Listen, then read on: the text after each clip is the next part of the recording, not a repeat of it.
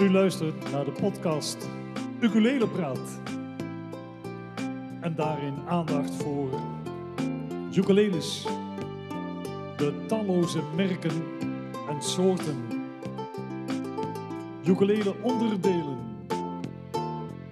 hulpmiddelen, ukulele snaren, ukuleles wel of niet stroom, elektrisch dus of niet en allerlei andere zaken waar ukulele-spelers in dit prachtige land mee te maken krijgen. Welkom! Ja, dag luisteraars, hartelijk welkom bij deze aflevering van de Ukulele Podcast. Ukulele Praat. We gaan het vandaag hebben over festivals en ukulele muziek. Aankomend weekend Nee, nee, het, het volgend weekend. Hè, dus na dit weekend, het aankomende. Poeh. Vindt er een festival plaats uh, in Groningen, in Leermens. Uh, dat is al vol, daar, kunnen geen mensen meer bij.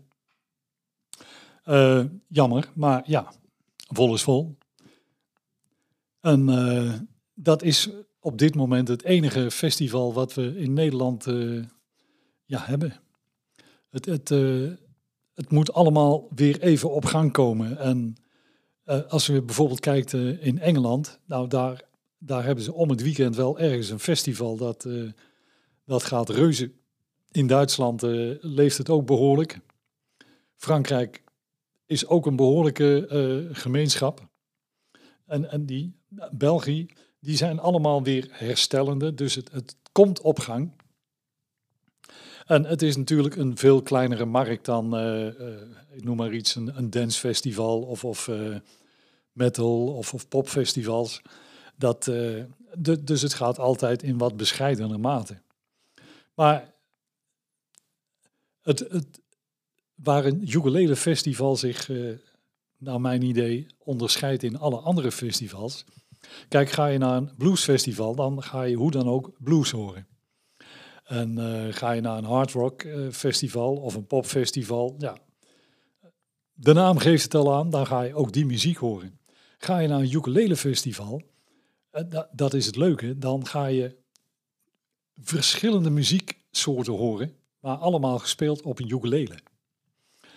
En dat kan zijn dat daar een ukulele bas bij is, daar kan drums aan worden, god beter het, een baspiano, allemaal mogelijk.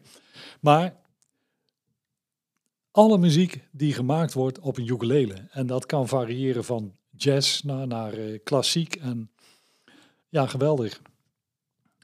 Dat, uh, dat, dat is een groot verschil met, met andere festivals.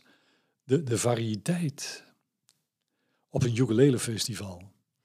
Ik heb op een ukulele festival in Engeland uh, ja, een, een paar country-achtige acts gezien jazz gezien, uh, een blues act. Uh, daar was een duo, Opera Lele, die, die maakte fantastische zanger en zangeres. Die, die zongen hele bekende werken uit, uit verschillende opera's, begeleiden zichzelf op een ukulele. Was fantastisch om te zien en te horen natuurlijk. Dat maakte een ukulele festival zo, zo gevarieerd. Daar wordt modern gespeeld, maar je hebt ook mensen die klassiek spelen. In België is bijvoorbeeld eh, Herman van de Kouter, een, eh, een, een grote bekende, speelt klassieke werkjes op eh, zijn ukulele. Samantha Muir, wonend in Groot-Brittannië. Officieel komt ze, is, ja, is ze, dacht ik, Australisch. Maar die, ja, die, die treedt ook op tal van festivals op, zeker in Engeland natuurlijk. speelt prachtig klassiek en het bindende op zo'n festival is altijd de ukulele. Daarnaast heb je ook nog uh, spelers die bekend zijn geworden met hun muziek. En eh, niet, niet per se dat die ukulele daarbij hoort, maar die, die gebruiken gewoon een ukulele. En uh, dat, is, dat is leuk om die ook eens even in de gaten te houden. Want bijvoorbeeld Jake Shimabukuro, dat is een man die uh, een jaar of tien geleden ja, furoren maakte op YouTube, omdat hij op een onnavolgbare wijze eh, een liedje speelde van George Harrison, While My Guitar Gently Weep. En die uitvoering die, eh, die wordt heden ten dagen nog dagelijks bekeken. Dat, dat doet die jongen geweldig. Maar Jake is inmiddels een gearriveerde ster in eh, Amerika en die treedt daar avond aan avond op met zijn ukulele. Een andere grootheid is James Hill uit Canada. Een, een fantastische speler. Uh, schrijft ook uh, veel eigen muziek. En ja, die, die laat ook menigeen verbaasd staan. Maar je hebt bijvoorbeeld ook iemand die zeer de moeite waard is om eens te bekijken. Kimo Hussey. Je vindt op YouTube tal van filmpjes. Oh, geweldige speler. leuk om te zien. Dan heb je ja, ook iemand als Daniel Ho bijvoorbeeld. allemaal in Amerika. Uh, die maken prachtige muziek met een ukulele. Een ander orkest is dat, om te bekijken, en zwaar de moeite waard. De Ukulele Orchestra of Great Britain. Dat, die spelen, ja, te gek. Dat, uh, die hebben hele theatervoorstellingen. Je vindt op YouTube tal van filmpjes van, over, van hun. En nou, dat is echt, als je ukulele liefhebber bent, dat moet je gewoon eens bekijken. Dat, dat, dat is fantastische muziek. Uh, in Engeland had je in de jaren 60, 50, 60 ene George Formby.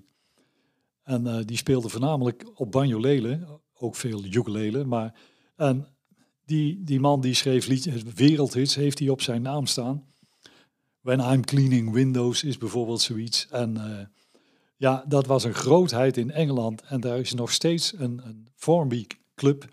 Die komt jaarlijks bijeen en worden zijn werkjes uh, gespeeld. Uh, ook de moeite om eens naar te gaan kijken. Ehm, dan heb je die man die toert driftig door heel Engeland. Andy Eastwood. Dat is, ja, dat, ja, dat moet je zien. Dat moet je horen. Dat is echt onvoorstelbaar wat die man kan uh, op een banjolele, ukulele. Hij is overigens een, uh, een, aan het conservatorium opgeleide muzikant. Hij zingt erbij, speelt viool, drums, uh, ja, een soort alleskunner. Maar wat hij op zijn banjolele doet, dat is echt ja, niet te volgen. Geweldig. Phil Dolman, ook zo'n man die je eigenlijk eens een keer moet gaan bekijken op YouTube. En als je de kans hebt om dergelijke mensen eens een keer tegen te komen, uh, op, ja, op festivals in Engeland is dat geen enkel probleem. Uh, helaas hier wat moeilijker, maar zoek ze eens op op YouTube, op Facebook. Dan, uh, dat zijn hele inspirerende mensen om, ja, voor de ukulele-liefhebber, om daar eens naar te luisteren en, en te kijken. Dat echt geweldig. Dat is het leuke van de ukulele in de muziek de, op zo'n festival, dan de bindende factor is het instrumentje. En welke muziek je erop maakt, dat mag je lekker zelf weten. Men vindt het allemaal prima. Maar de bindende factor is ukulele. We hebben uh, binnenkort, ja, ik zei het al, dat festival zit helaas uh, vol. Maar daar treedt bijvoorbeeld op uh, Ukulele Zaza. En dat is, die woont dan weliswaar in België, maar dat, dat is een Nederlander. Dat is ook iemand, die vind je ook op YouTube en op Facebook. Uh, de moeite waard om te beluisteren. Dat geweldige speler. Dus we hebben hier heel weinig festivals, helaas. Het, het, het zal best gaan aantrekken en, en doen. Maar je kunt de namen die ik hier heb genoemd, die kun je uh, op YouTube allemaal vinden. En het is leuk om, om eens daarna te kijken en, en te zien wat er allemaal mogelijk is. Wat er allemaal mogelijk is met, met, met de ukulele. Geweldig. Ik zou zeggen, uh, blijf dat een beetje doen. En dan gaan wij nu over naar de tip, uh, de tip van Taco.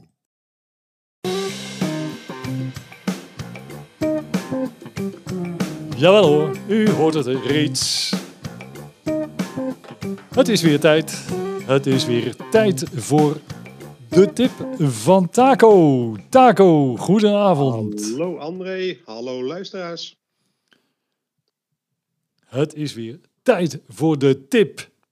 Voor de tip. De tip, de tip van Taco. Nou, wij zijn natuurlijk uh, reuze benieuwd wat dat uh, in de eerste week van juni gaat worden.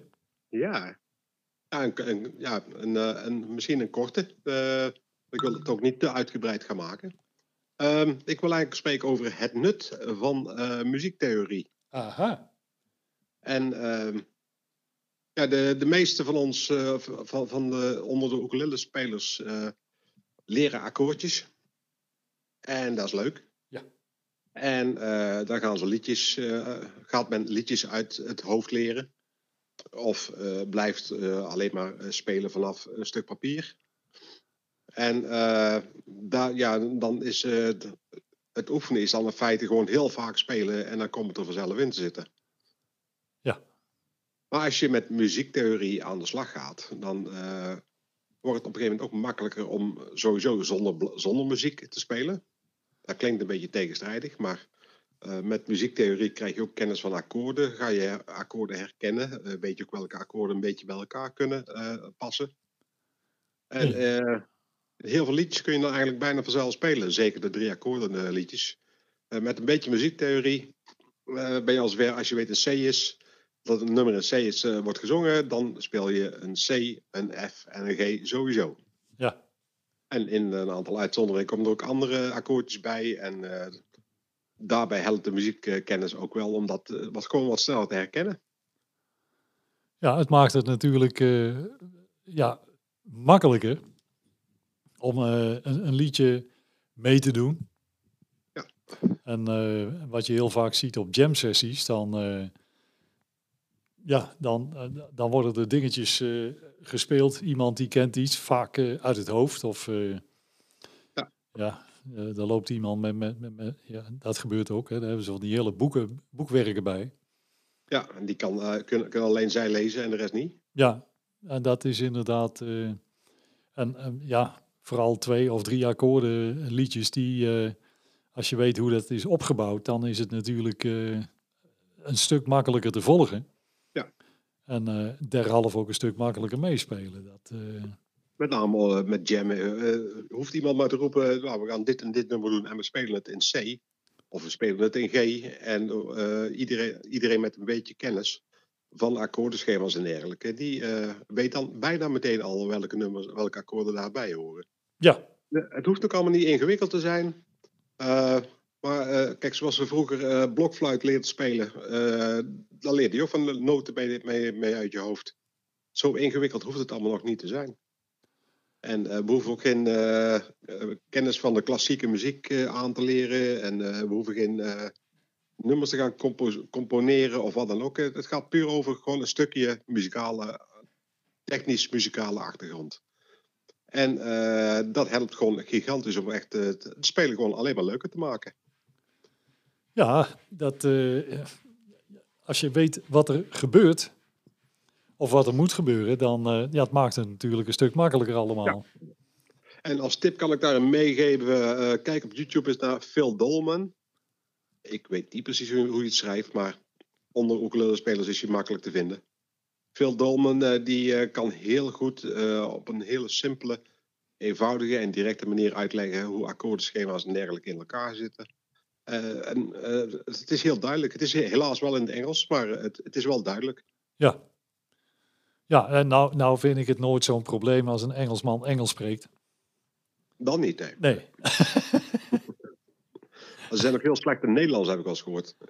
Ja, nou, de, de meeste Engelsen die, die, die ja, Amerikanen ook trouwens hoor, die, die, die, die, die gooien er niet uh, om de havenklap een Nederlands woordje door om uh, interessant te lijken. Allemaal, maar slecht in Nederlands. Ja, ja. ja.